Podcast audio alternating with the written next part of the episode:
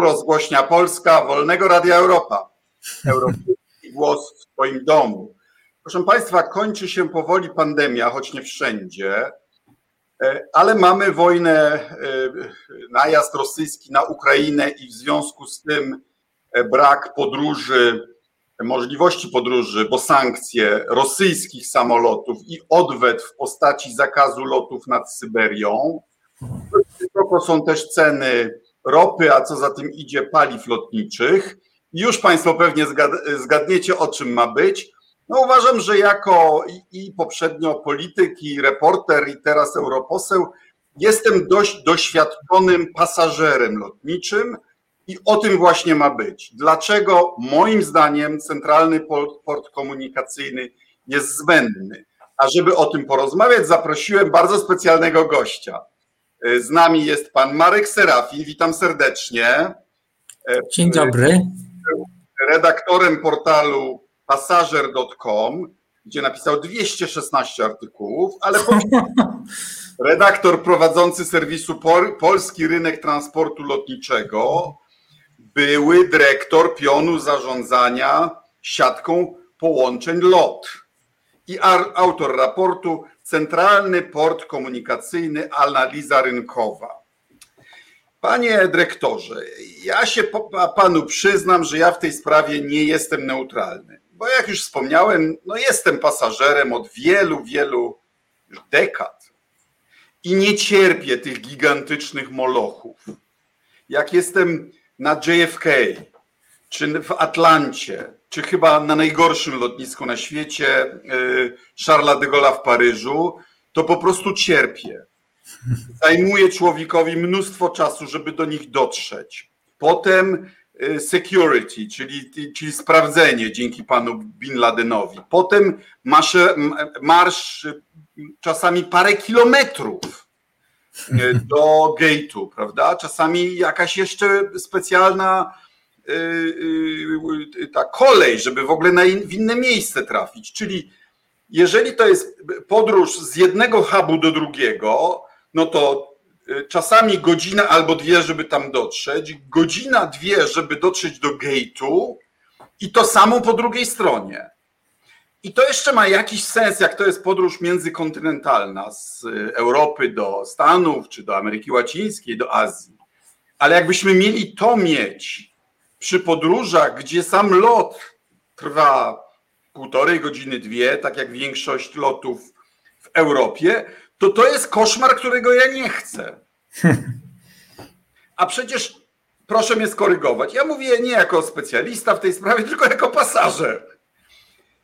80 czy 90% podróży Polaków lotniczych to są podróże albo w Europie, albo w basenie Morza Śródziemnego, czyli 2-2,5 godziny lotu, prawda? Dobrze mówię? No, nawet chyba więcej. Chyba no. więcej. No. To po co nam ten CPK? znaczy, y, przedstawił Pan dość specyficzny punkt widzenia, powiem szczerze. Przyznaję się. Tak, że ja w swoich tekstach, a piszę o CPK od bardzo dawna, w zasadzie jak tylko polski rząd wyszedł z tym pomysłem, z tą ideą, to ja zacząłem być krytyczny, bo moim zdaniem brakowało tu porządnego rynkowo-biznesowego uzasadnienia i planowano podjąć gigantyczne ryzyko, szalenie kosztowne, z ograniczoną szansą na sukces. Natomiast koszty porażki byłyby ogromne. Ja się y, skupiałem na tym. Ten raport, o którym Pan wspomniał, opublikowany przez y, specjalistyczne pismo, czyli przegląd komunikacyjny Politechniki Wrocławskiej oraz przez Fundację Kaleckiego. On, on bardzo, bardzo mocno pokazywał, że te materiały, które polski rząd przedstawia, w żaden sposób no, nie są. Właśnie dojdźmy do tych faktów. Bo, uzasadnieniem. Bo, Natomiast jeszcze tylko może jedno zdanie. To. Tak, tak. Natomiast to, co było dla mnie zupełnie szokujące, to że kiedy przyszła pandemia, ja myślałem, i bardzo szybko było wiadomo, że ten kryzys potrwa bardzo długo, to ja byłem przekonany, że nastąpi otrzeźwienie, że y, przystąpi się do nowych analiz, uwzględni się y, jednak te fatalne skutki pandemii, o cofnięcie się rynków lotniczych o wiele lat do tyłu, czasem nic takiego się nie stało. No tak, bo rząd uważa i minister Chorała, że to jest, że to jest y, sprawa okresowa i że wszystko wróci do normy. Informuje panów decydentów, że nie wróci do normy. Jako polityk, ale też y, w rozmowach z biznesem wiem, że zmieniła się kultura pracy i dzisiaj będziemy znacznie więcej działali w sieci i zdalnie i wiele y, podróży biznesowych y, nie niezbędnych po prostu nie będzie się odbywało. A jeśli linie lotnicze do tej pory zarabiały głównie na pasażerach biznesowych, to bardzo długo, dużo z tego, z tych zysków stracą, prawda? Proszę zerknąć do kamery, żeby nasi widzowie pana tak, widzieli. Tak, przepraszam.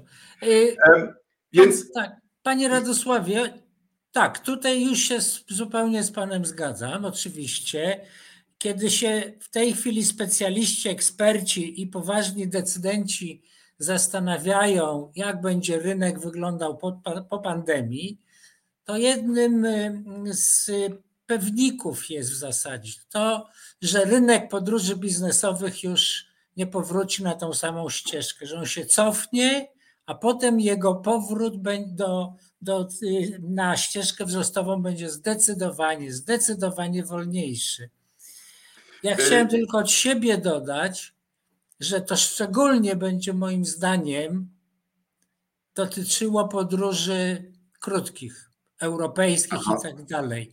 Bo tutaj, jak pan pewnie wie, ja wiem ze swojego życia, doświadczenia zawodowego i jako również e, odpowiedzialny człowiek za dużą część działalności lotu, bardzo wiele podróży biznesowych w Europie to były jednodniowe i ci sami ludzie spotykali się wielokrotnie w ciągu roku, w pewnym sensie rutynowo. I ogromna część z tych podróży, czy znaczna część z tych podróży po prostu przestanie mieć miejsce. Bo w biznesie, w polityce najważniejsza jest praktyka. I ci ludzie się przekonali praktycznie, że mnóstwo rzeczy mogą załatwić przez internet i w ogóle się nie muszą spotykać. Znają się bardzo dobrze, mają do siebie zaufanie.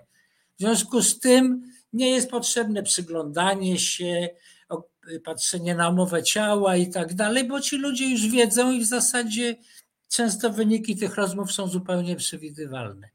Nieco inaczej. Jedną będzie... historyczną rzecz możemy sobie wyjaśnić, bo ja pamiętam te dyskusje w latach 80. E, jeszcze. E, co będzie modelem przyszłości? Czy właśnie takie wielkie huby, gdzie będą latać jumbo jety na 500-600 pasażerów i z tych hubów będą, czyli takich centralnych portów lotniczych, potem będą połączeniami rozwozić pasażerów na mniejsze lotniska, czy też będzie więcej połączeń średniej wielkości samolotami do mniejszych lotnisk. I mnie się zdaje, to jest zdanie laika, że ta druga koncepcja generalnie na świecie zwyciężyła, bo ludzie nie lubią się przesiadać. I że dzisiaj mniejsze samoloty mają dłuższe zasięgi i wobec tego nie znaczy ta koncepcja wielkich lotnisk to jest koncepcja z lat 70. Więc my chcemy tworzyć coś, co, co powoli staje się anachronizmem. Chociaż oczywiście berliński berlińskie lotnisko by temu zaprzeczało, ale to zdaje się ma być docelowo jedyne lotnisko dla, dla Berlina, tak? A, a Warszawa już ma dwa lotniska. Już jest jedyne. Już jest I nie jedyne. Jest no hubem. Tak. I nie no jest tak. hubem. I nie no będzie tak. hubem. Lufthansa ma dwa huby i mówi, że trzeciej przez najbliższe co najmniej 30 lat w ogóle nie będzie potrzebne, bo każdy hub, znowu o tym się w ogóle milczy, nie mówi, każdy hub to jest ogromna inwestycja ryzyko i, i rozbudowa takiej siatki to jest i ryzyko, i, i, i, i inwestycja, na którą lot, moim zdaniem kompletnie nie stać. Ale znaczy, jeszcze może lot dodam... w ogóle nie jest nawet właścicielem własnych samolotów, tak? A tutaj no, jest tak, planowana dla lotu jakaś... To, to jest inny temat. To ja wiem, ale, temat. ale tu jest planowana taka imperialna rola dla lotu, prawda? Tymczasem my tak, jesteśmy tak. tuż przy granicy z Rosją. Wcale nie wiemy, czy te połączenia, nad, te loty nad Syberią będą dozwolone w przyszłości. Ta wojna na Ukrainie może trwać latami jeszcze. Panie, panie Radosławie, może żebyśmy nie, nie poruszali zbyt wielu wątków, to ja jeszcze mhm. odniosę się do naraz, bo po kolei, bo te tematy, które Pan podnosi, są bardzo ważne, ale po kolei. Tutaj, jeżeli chodzi o, o rolę wielkich hubów i, i mniejszych lotnisk, częstych połączeń mniejszymi samolotami, czy większej liczby bezpośrednich, to tu się zgodzę z Panem tylko częściowo. Rzeczywiście, rzeczywiście y, ta koncepcja absolutnie gigantycznych hubów to była koncepcja, która zdecydowała o y, konstrukcji Airbusa 380. I to miał być pierwszy z coraz większych samolotów, które, które głównie miały operować pomiędzy dwoma wielkimi hubami i pasażerowie mieli być rozwożeni. Niestety, ja jako doświadczony człowiek y, w sprawach planowania siatki i tak dalej, uważam, że ci, którzy tą koncepcję wcisnęli, czy, czy Airbus sam na nią wpadł, niestety byli oderwani od, od dobrej wiedzy i rozumienia biznesu. No i Airbus 380 już nie jest produkowany, skończyło się klapą. No bo, no bo okazało się, okazało się, że jednak, jednak samoloty mniejsze dwusilnikowe, również bardzo ekonomiczne, podróżują bezpośrednio do mniejszych lotnisk i, i dwie przesiadki po prostu są niekonkurencyjne. Weźmy najlepszy przykład, absolutnie najlepszy, to jest rynek północnoatlantycki. Żeby Airbus miał taki wielki, a potem jeszcze większy sens, to te samoloty powinny latać z kilku hubów europejskich do trzech, czterech hubów północnoamerykańskich i być rozwożeni. Ale jak pasażer ma do wyboru taką koncepcję, albo może wsiąść we Frankfurcie czy, czy na Heathrow i wylądować w Cincinnati, od razu tam już w punkcie docelowym, to 99 doświadczonych y, podróżników wybierze ten drugi wariant on jest wygodniejszy. Te przesiadki są koszmarem, tam trzeba maszerować, no człowiek jest, jest zmęczony, y, trzeba maszerować kilometrami i godzina nie wystarcza na przerzucenie bagażu z jednego samolotu. tak, poza tym trzeba się odprawić już y, imigracyjnie w, w tym hubie, a nie, a nie wylądować. Koszmarem jest zmiana lotniska i od, ponowne odprawianie bagażu i tak dalej, i tak dalej. W związku z tym rzeczywiście ta koncepcja praktycznie upadła. Y, prawdopodobnie problemem, znaczy powodem było też to, że zaskakująco wspaniały był rozwój technologii silnikowych i okazało się, że można budować bardzo duże samoloty dwusilnikowe o ogromnym zasięgu. Jak pewnie niektórzy z Państwa już wiedzą, y, taki Dreamliner czy Airbus 350 może polecieć bezpośrednio z Australii do Europy i to jest dwusilnikowy samolot, czyli bardziej ekonomiczny niż czterosilnikowy. Czyli rzeczywiście ta koncepcja kilku wielkich hubów, które zdominują y, siatki połączeń również północ, y, tych y, dalekiego zasięgu upadła. Ale jednak huby będą potrzebne. Będą, tylko ich będzie mniej i ich rola będzie ograniczona. Natomiast zdecydowanie mniejszą rolę będą odgrywały y, na rynkach podróży średniego zasięgu.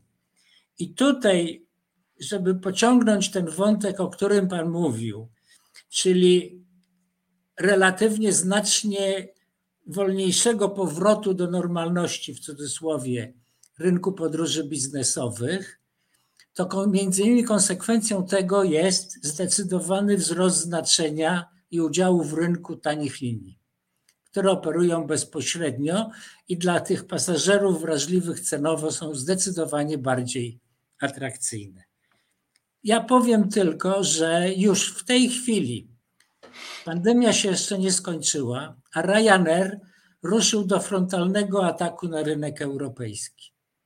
On już w tej chwili ma ofertę, jeżeli weźmiemy pod uwagę liczbę foteli, znacznie większą niż przed pandemią. W Polsce te liczby są szokujące. To jest 26% więcej foteli niż przed pandemią. Lot ma minus 22, a oni mają plus 26. I to jest po prostu odzwierciedlenie tego, jak y, y, ci, ci najważniejsi gracze patrzą na rynek. Oczywiście to jest nie tylko kwestia y, proporcji pomiędzy różnymi segmentami rynkowymi, ale to również jest pokazanie, jak ogromne znaczenie ma siła finansowa i zdolność kredytowa. Ryan ma wspaniałą sytuację finansową, ogromną zdolność kredytową i on wykorzystując to, będzie chciał albo wyeliminować, albo maksymalnie osłabić y, biedniejszych, y, słabszych graczy. A niestety wszystko przecież wskazuje na to, że jednym ze słabszych graczy jest LOT, który, nie ma, który ma zerową zdolność kredytową. Jedyne kredyty, jakie mógł dostać, to dostał od naszego dzielnego rządu, który, którego zasoby finansowe, rezerwy są również mniej więcej zerowe, a prawie wszystkie samoloty są w leasingu operacyjnym, czy nie są jego nawet częściową własnością. Czy potwierdzi to jest... pan to, co mi powiedział e, e, szef Ryanaira, Michael O'Leary, że e, lotnisko w Warszawie, które jest według niego podobne do dublińskiego, mogłoby przepuszczać dwa razy tyle samolotów. On mi powiedział, że to jest coś tak banalnego jak oprogramowanie do zarządzania lotami. I Dublin ma coś ponad 30 milionów y, startów i lądowań, a Warszawa coś 16. I, i że tanim kosztem. Znaczy pasażerów 30. Proszę? Chyba pasażerów 30. Pasażerów, przepraszam, pasażerów, tak jest. I, to, i, e, i mówi też O'Leary, mnie osobiście, że w Modlinie wystarczy dosłownie o kilkanaście metrów przedłużyć e, hangar, ten e, terminal, co on jest gotów zrobić na własny koszt. I tam też można podwoić przepustowość. No to jeżeli można podwoić przepustowość tych dwóch lotnisk dla Warszawy, to jaka jest ta marginalna użyteczność tego CPK, który ma kosztować dziesiątki miliardów złotych? Czy mogę się z Panem podzielić moją ulubioną teorią spiskową, którą sam wymyśliłem? Związaną z lotnictwem, właśnie. Tak, Bo tak. ja się urodziłem w Bydgoszczy, liceum w Bydgoszczy, reprezentuję e, e, Kujawsko-Pomorskie. I pamiętam, jak działało lotnisko w Bydgoszczy jeszcze za Gierka.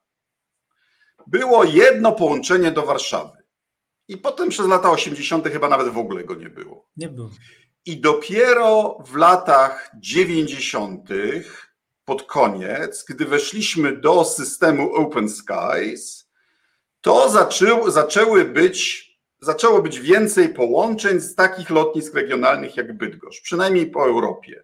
Bo Unia Europejska, takie było moje wrażenie, złamała monopol lotu na Warszawę i w ogóle na cały kraj.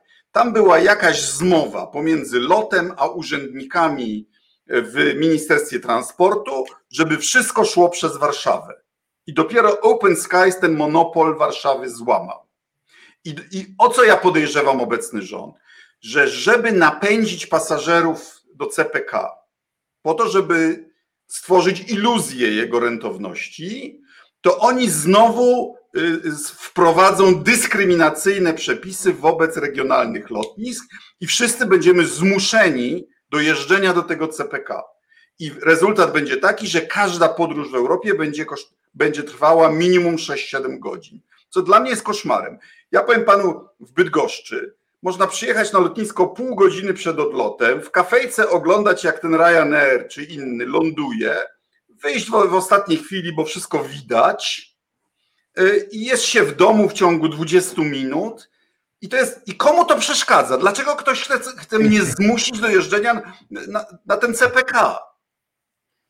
Panie Radosławie, znowu się zgodzę z Panem tylko częściowo i tutaj mniej niż 50%. Ale niech to będzie głos pasażera, no jednak dość częstego no nie, pasażera. Ja wiem, nie. Panie, Panie Radosławie, rzeczywiście ja o tym pisałem, a powiem, bo to była konferencja prasowa, w związku z tym te słowa padły publicznie. Y, szef PPL-u, czyli tej organizacji zarządzającej portem Chopina i kilkoma innymi portami w Polsce, gdy była przedstawiona koncepcja budowy lotniska w Radomiu, a blokowania rozwoju lotniska w Modlinie, to na koniec na moje pytanie jako dziennikarza już wtedy odpowiedział, a bo Modlin to będzie w strefie śmierci CPK. I to moim zdaniem nawet półspecjalista czy ćwierć specjalista wiedział, że po to, żeby w ogóle CPK miało szansę sukcesu, to trzeba blokować rozwój Modlina. Bo w przypadku, gdy Modlin będzie mógł przyjmować i to znacznie, znacznie taniej pasażerów niż CPK, to wszystkie linie lotnicze tanie będą i czarterowo będą korzystały z Modlina. Chciałbym, Natomiast, chciałbym, y, przepraszam, przerwę. Jeszcze może dokończę, to jest ważne żeby było zapamiętane, że to ja jako minister obrony zmusiłem Agencję Mienia Wojskowego do wniesienia terenu starego lotniska wojskowego do spółki, A. która umożliwiła e, e, start tego projektu. I e, z jakiegoś powodu się nadal nie robi połączenia kolejowego do Modlina, prawda? Skąd? Z Warszawy, z centralnej Warszawy.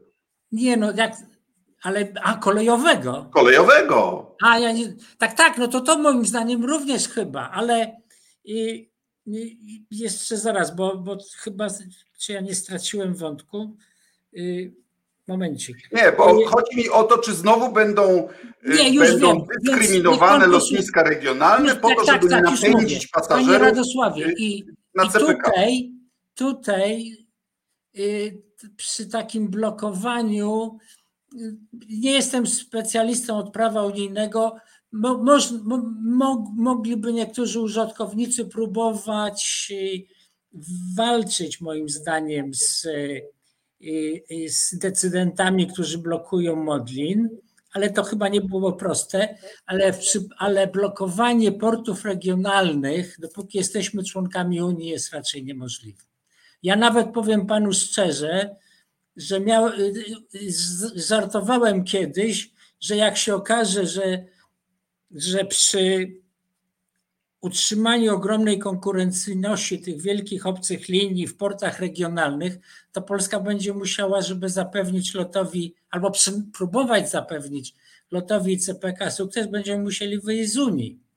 I wtedy rzeczywiście nasze szanse wzrosną, będziemy mogli robić sobie w Polsce ja mam wrażenie, że oni to oparli na ultra optymistycznych przesłankach y, y, i, i tak. że nawet przy tych przesłankach to się nie spina, to nie ma, tam nie ma nawet teoretycznej możliwości, żeby to na siebie zarobiło, żeby ten kapitał zainwestowany się w, jakimś, w jakiejś perspektywie dekady, dwóch zwrócił.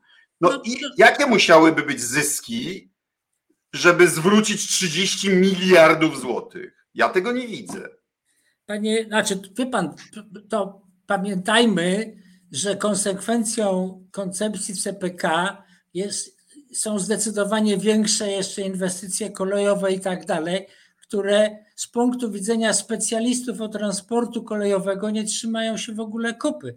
W żadnym normalnym kraju główny węzeł przesiadkowy kolejowy nie jest 40 kilometrów od, od największej aglomeracji, tylko jest w tej aglomeracji.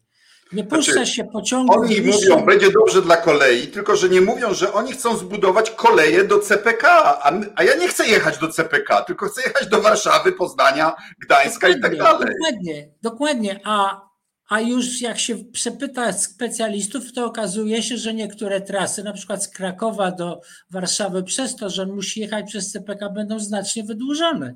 Kosztowne bardziej, a tych pasażerów znowu milczy się na ten temat, będzie może 6, może 5%, a 95% będzie jechało do Warszawy. I dla 5% pasażerów, a może nawet mniej, jak, jak będzie y, porażka, dla 5% pasażerów buduje się całą koncepcję. W żadnym państwie podobnej średniej wielkości nikomu taka koncepcja tak ogromnego podporządkowania całego głównego systemu kolejowego interesowi lotniska nie, nie, nikt nie, nie wpadł na to. To po prostu naprawdę jest zupełnie odra, oderwane od realiów.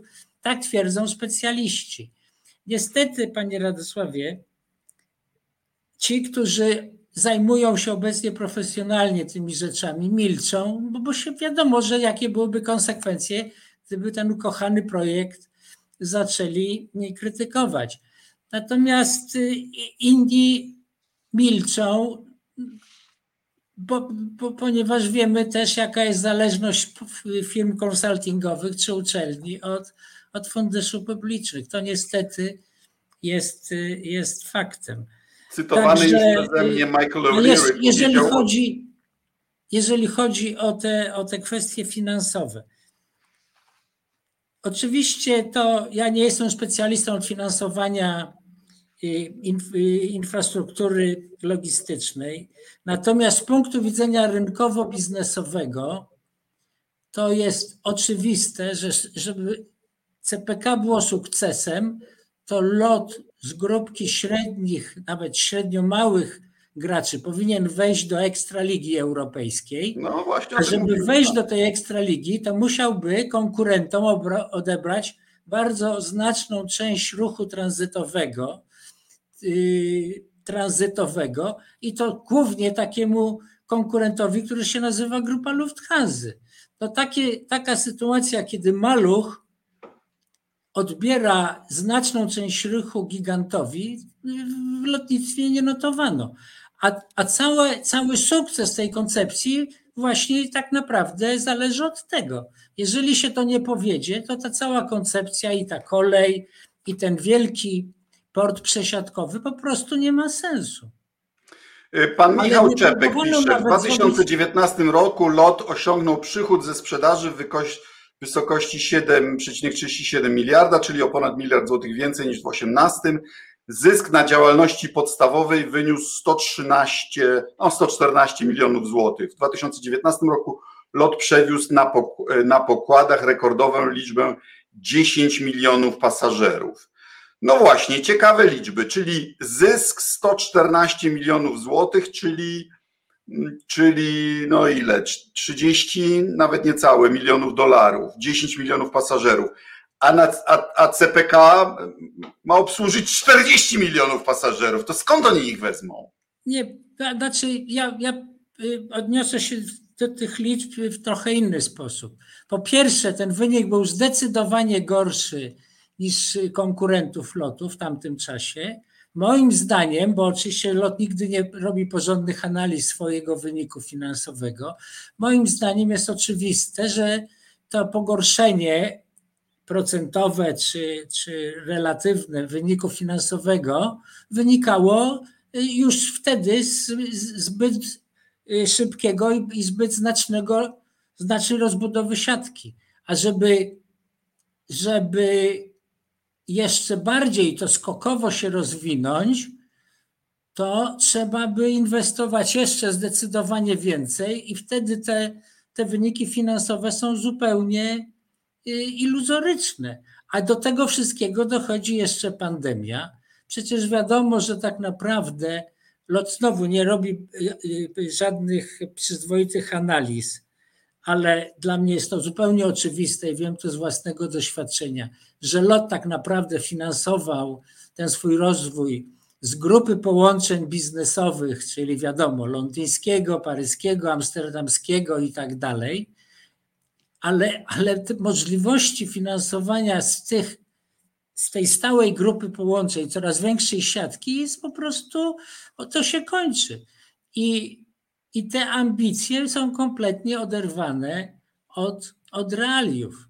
A do tego wszystkiego dochodzi właśnie pandemia i dochodzi to, że na tych połączeniach tego ruchu biznesowego będzie zdecydowanie mniej, a równocześnie lot będzie miał do czynienia ze zdecydowanie bardziej agresywnymi, tanimi liniami, z, z, szale, szalejącym, ale, ale, ale rozsądnie szalejącym, biznesowo szalejącym Ryanerem.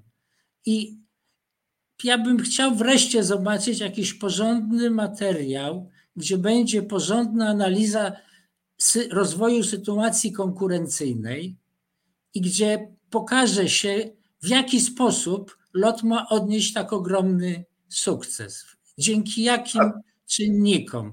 Jeszcze jedna rzecz, o której się milczy, nie wiem, czy Pan o tym słyszał, ale ma to ogromne znaczenie, będzie miało jeszcze większe. To na tych głównych dwóch rynkach podróży dalekiego zasięgu, które będą miały szczególnie po pandemii kluczowe znaczenie, absolutnie kluczowym elementem w tej chwili stają się tak zwane umowy joint venture. Po prostu ci wielcy się zmówili, a rządy w ich interesie się na to zgodziły. Ponieważ akurat jest trzech olbrzymich... Nie dopuszczą do rynku azjatyckiego na przykład lotu, Już, już zaraz powiem dwa zdania, bo to jest ważne, a, a milczy, rząd milczy, pseudoeksperci milczą o tym. Akurat w północnej Ameryce jest, jest, znaczy w USA są trzej giganci, w Europie też są trzej giganci. I każdy gigant zgumowił się z tamtym gigantem i pozawierali umowy joint venture, a do grupy Lufthansa do United dołączyła Air Canada. I oni po prostu działają tak, jakby byli jedną linią. Czyli United z Lufthansa, z Air Canadą i z mniejszymi, kilkoma mniejszymi, na przykład Austrian, które są w ich grupach, działają tak, jakby mieli jednego właściciela, czyli dla nich wszyscy mniejsi są konkurentami. Ale jakie lot ma szansę konkurowania z, tak, z takimi y, olbrzymami? No jest w aliansie z Lufthansa i tak i tak, prawda? Ale, on, ale... ale wie pan, lot jest w aliansie z United i z Lufthansa, ale z punktu widzenia biznesowego, rynkowego, to dla nich lot jest konkurentem i to, że są w aliansie niczego nie zmienia. I tak zachowują się tak, jak wskazuje na to interes Luftha grupy Lufthansa i grupy United i Air Canada, a lot jest dla nich konkurentem, któremu się zabiera ruch, szczególnie w naszym regionie. I już przed wybuchem pandemii 85% ruchu północnoatlantyckiego było przejęte przez tych trzech gigantów. Dla reszty zostały ochłapy, mówiąc brzydko, bo tam jeszcze były dodatkowo tanie linie, około 9% miały, Norwegian i tak dalej. Co pan Czyli powie dla tych średniaków on... zostało 5%. Co pan powie o najnowszym argumencie pana ministra Chorały, że w związku z wojną na Ukrainie CPK jest potrzebny, bo odegra rolę wojskową? Już, ale panie, panie Radosławie, jeszcze skończmy ten wątek, bo on jest szalenie ważny. Czy najpierw zmówili się y, Europejczycy z, z USA i z amerykańskimi przewoźnikami, a potem zmówili się z Azjatami. Najpierw znowu była, bo grupa Lufthansa jest zawsze najbardziej aktywna, zmówiła się z Japończykami, z ANą i ma joint venture z ANą i działają jak jedna linia. Potem y, AIG, czyli British Airways z przyjaciółmi, zmówił się y, z Japan Airlines. Dla Air France nic nie zostało, bo nie ma trzeciego wielkiego olbrzyma japońskiego. Ale te dwie, dwie już się zmówiły. A potem długo to trwało, bo z Chińczykami się trudno rozmawia. Trwało to chyba dwa lata, ale w końcu y, grupa Lufthansa zmówiła się z Air China, a Air France mówił się z China z Southern. A, a teraz kończą, ponieważ jest trzech olbrzymów międzynarodowych chińskich, to kończą rozmowy AIG. I znowu Chińczycy i Europejczycy się zmówili, a lot jest tutaj na lodzie. I znowu, jak on ma mocno wejść na rynek chiński, jak ma przeciwko sobie tych olbrzymów, a o ile jeszcze Japonia jest jako tako liberalna, chociaż i tak na pewno blokuje i będzie blokowała wejście lotu do Osaki, to Chińczycy są brutalni. Jeżeli coś jest w interesie ich linii, a uważają, że ktoś jest dla nich konkurentem, to go po prostu nie wpuszczają. Lot miałby pewnie lepsze wyniki na Szanghaju nawet niż na Pekinie, ale go nie wpuszczają. A Air China weszła na połączenie Warszawa-Pekin, moim zdaniem nie dlatego, że to jest sensowne biznesowo, tylko żeby pokazać lotowi, żeby, lotowi, żeby się za bardzo nie próbował panoszyć. Ewidentnie ma i grupę Lufthansa tam, i Chińczyków przeciwko sobie. A według tych opowieści naszych decydentów, to Azja, Chiny i tak dalej, to ma być perła w koronie. Tylko, że nigdy my tej korony, znaczy tej perły nie, nie będziemy w stanie zdobyć nawet malutkiej, bo oni nam po prostu nie, nie pozwolą. Nie mówiąc już o tym drobiazgu, o którym Pan wspomniał, czyli możliwościach latania przez Syberię. A inne latanie do tych trzech najbogatszych krajów, do Chin, Japonii i Korei, niż przez, y, niż przez Syberię jest niekonkurencyjne i kosztowne.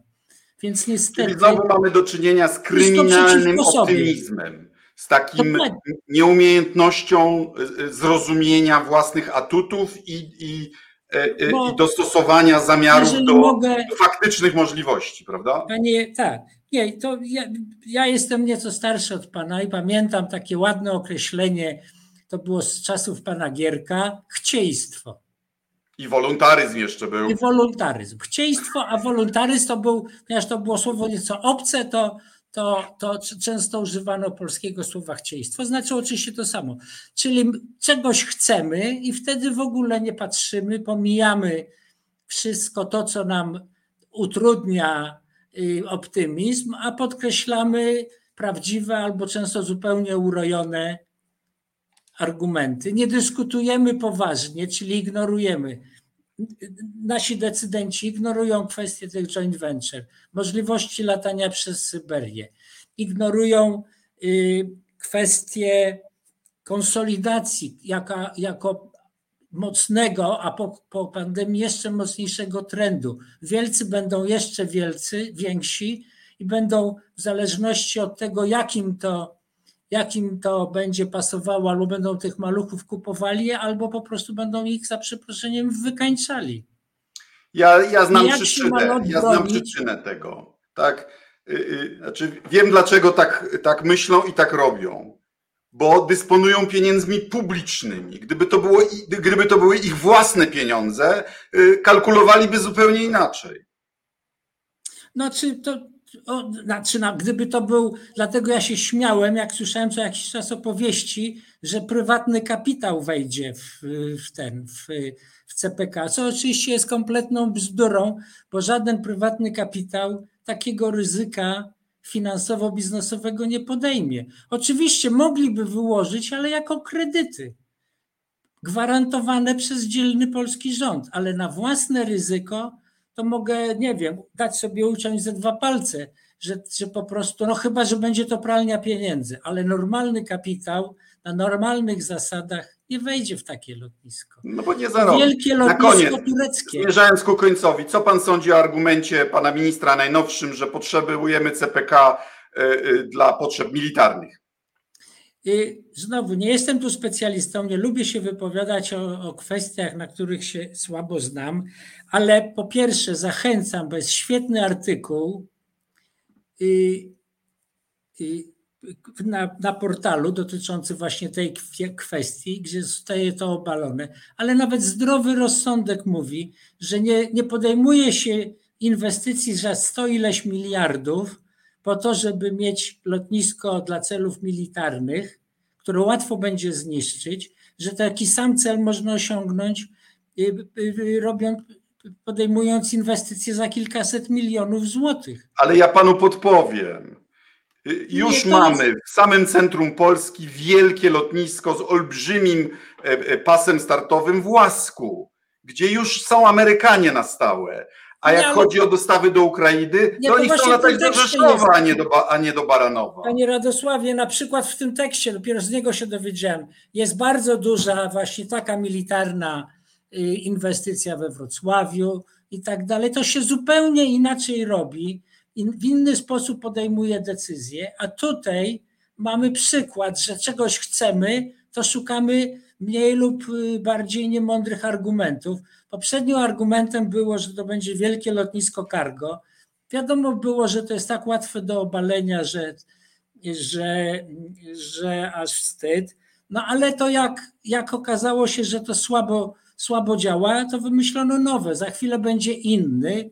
Natomiast nigdy nie jest podejmowany wątek dyskusji z tymi rzeczywistymi kontrargumentami. To się po prostu ignoruje. A niestety tutaj muszę z przykrością powiedzieć, że ostatnio może trochę, ale media, te, te, te, te, te, tak te mainstreamowe głównego nurtu, one trochę za rzadko tą kwestię w taki sposób e, poważny, fundamentalny podejmowały. Trochę obawiam się, wygląda to trochę na to, że, że, że są zbyt niskiego mniemania, zbyt nisk, słabo oceniają swoich czytelników, uważając, że te sprawy są za trudne.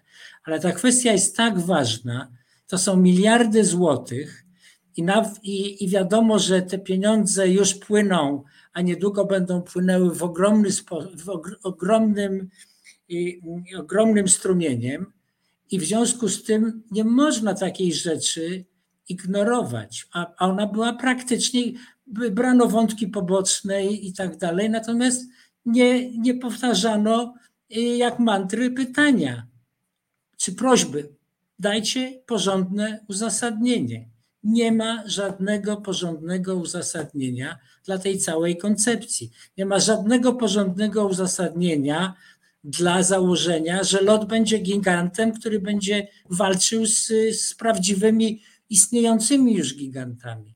W Istambule zbudowano nowe lotnisko wtedy, kiedy Turek już był gigantem i miał wszelkie możliwe y, przesłanki do tego, żeby ten swój sukces kontynuować. A marzenia o wielkości lotu, no to trochę to wygląda na to, że chcemy zagrać na nosie naszemu zachodniemu sąsiadowi, pokazać, że my też potrafimy, tak?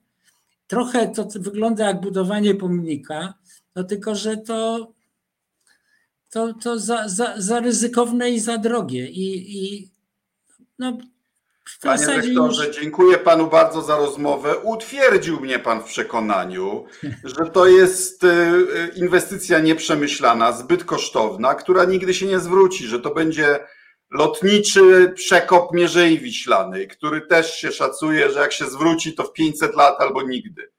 Dziękuję bardzo za rozmowę. Y, y, y, polecam śledzenie pana tekstów, bo tak jak pan mówi, w grę wchodzą gigantyczne środki publiczne. Gigantyczne. Mogę które... jeszcze jedno zdanie dodać? Proszę jedno bardzo. zdanie. Żeby, ponieważ w takich sprawach powinno się być bardzo precyzyjnym.